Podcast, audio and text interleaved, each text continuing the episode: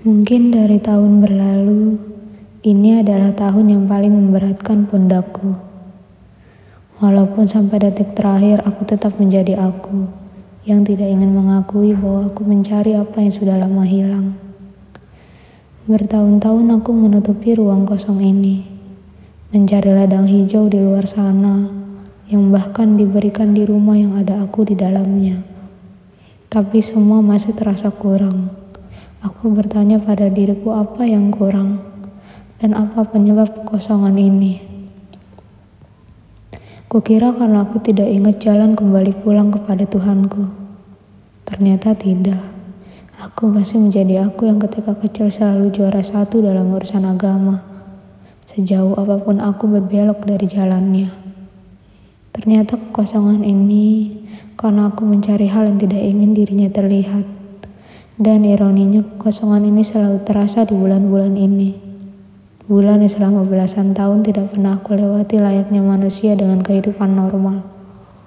Bahkan dalam ingatanku, hanya sebuah kilas peristiwa ketika aku kecil. Aku masih menyimpan tawa dipangku olehnya yang kusebut ayah, sekedar menemani walaupun aku tidak ikut berpuasa. Aku melihat di meja itu, perempuan yang aku sebut ibu menyiapkan sepiring nasi beserta pelengkapnya.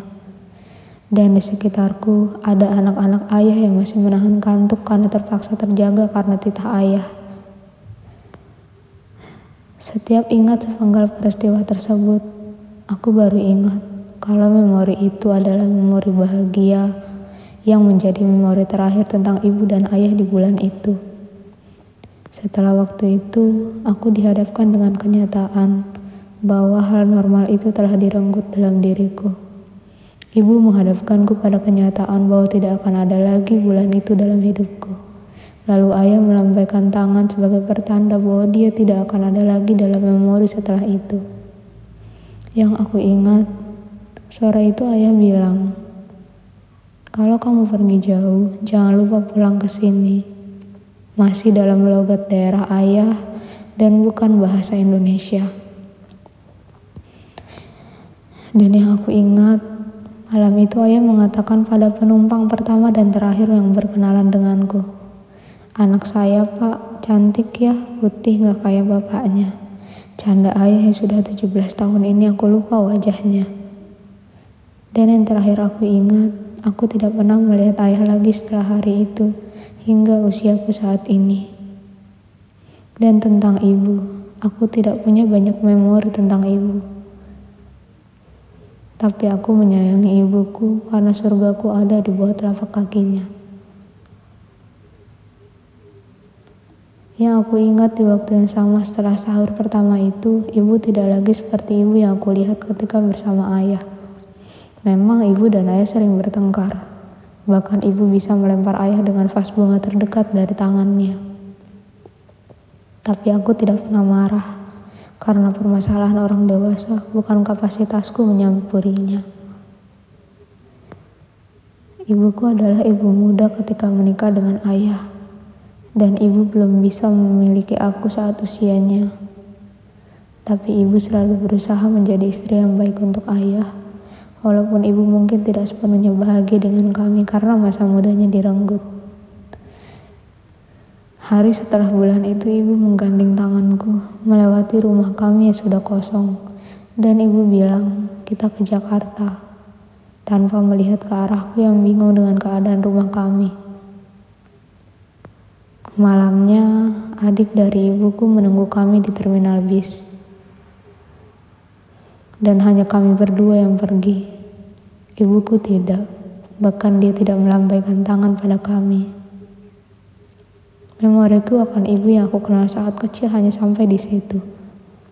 Berjalan masa sekolah sampai aku dewasa, tidak ada lagi memori dalam ingatanku tentang ibu. Kami hanya bertemu di saat kami sedang berhubungan baik, atau ibu hanya datang ketika Idul Fitri tiba, atau ketika ibu sedang baik, ibu akan datang pada ulang tahunku. Bertahun-tahun lalu, Aku ingat satu hal yang membuatku jauh dari ibu. Ibu bilang kalau aku bukan anak ayah, Memoriku akan ayah juga ikut hancur hari itu. Dan aku ingat bahwa bulan itu adalah bulan yang sama saat aku berpisah dengan ayah.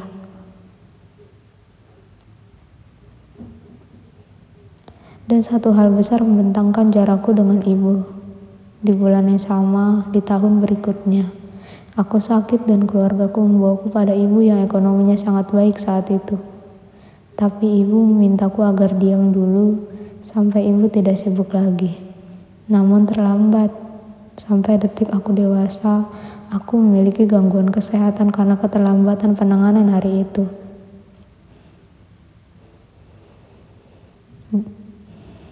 Bedanya, ada satu hari di mana aku sakit. Setelah bertahun-tahun berlalu, ayah menghubungi kami. Satu kalimat dari ayah, anak ayah cepat sembuh, dan setelah hari itu aku sembuh. Tapi itu adalah yang terakhir dari ayah. Memori-memori itu menimbulkan sebuah luka dan sebuah kekosongan yang selalu aku cari bagaimana bisa menutupinya. Tapi aku tidak akan pernah bisa menutupinya, karena itu terus terbuka entah kenapa. Di tahun ini, aku mempertimbangkan untuk mengobatinya. Dan di bulan Ramadan tahun ini, Aku ingin menitipkan maafku untuk ayah melalui doa dan sujudku pada Tuhan. Dan aku ingin menitipkan sayangku pada ibu melalui banyak hal yang aku bisa. Karena setelah ini mungkin luka ini akan sembuh. Karena nyatanya ibu dan ayah bukan yang memberikan luka, tapi aku yang menanamkan luka sendiri dan merasa menjadi korban dari hal-hal yang terjadi pada mereka dan padaku ayah, ibu, sampai bertemu saat Tuhan pertemukan kita, yang aku tidak tahu itu kapan.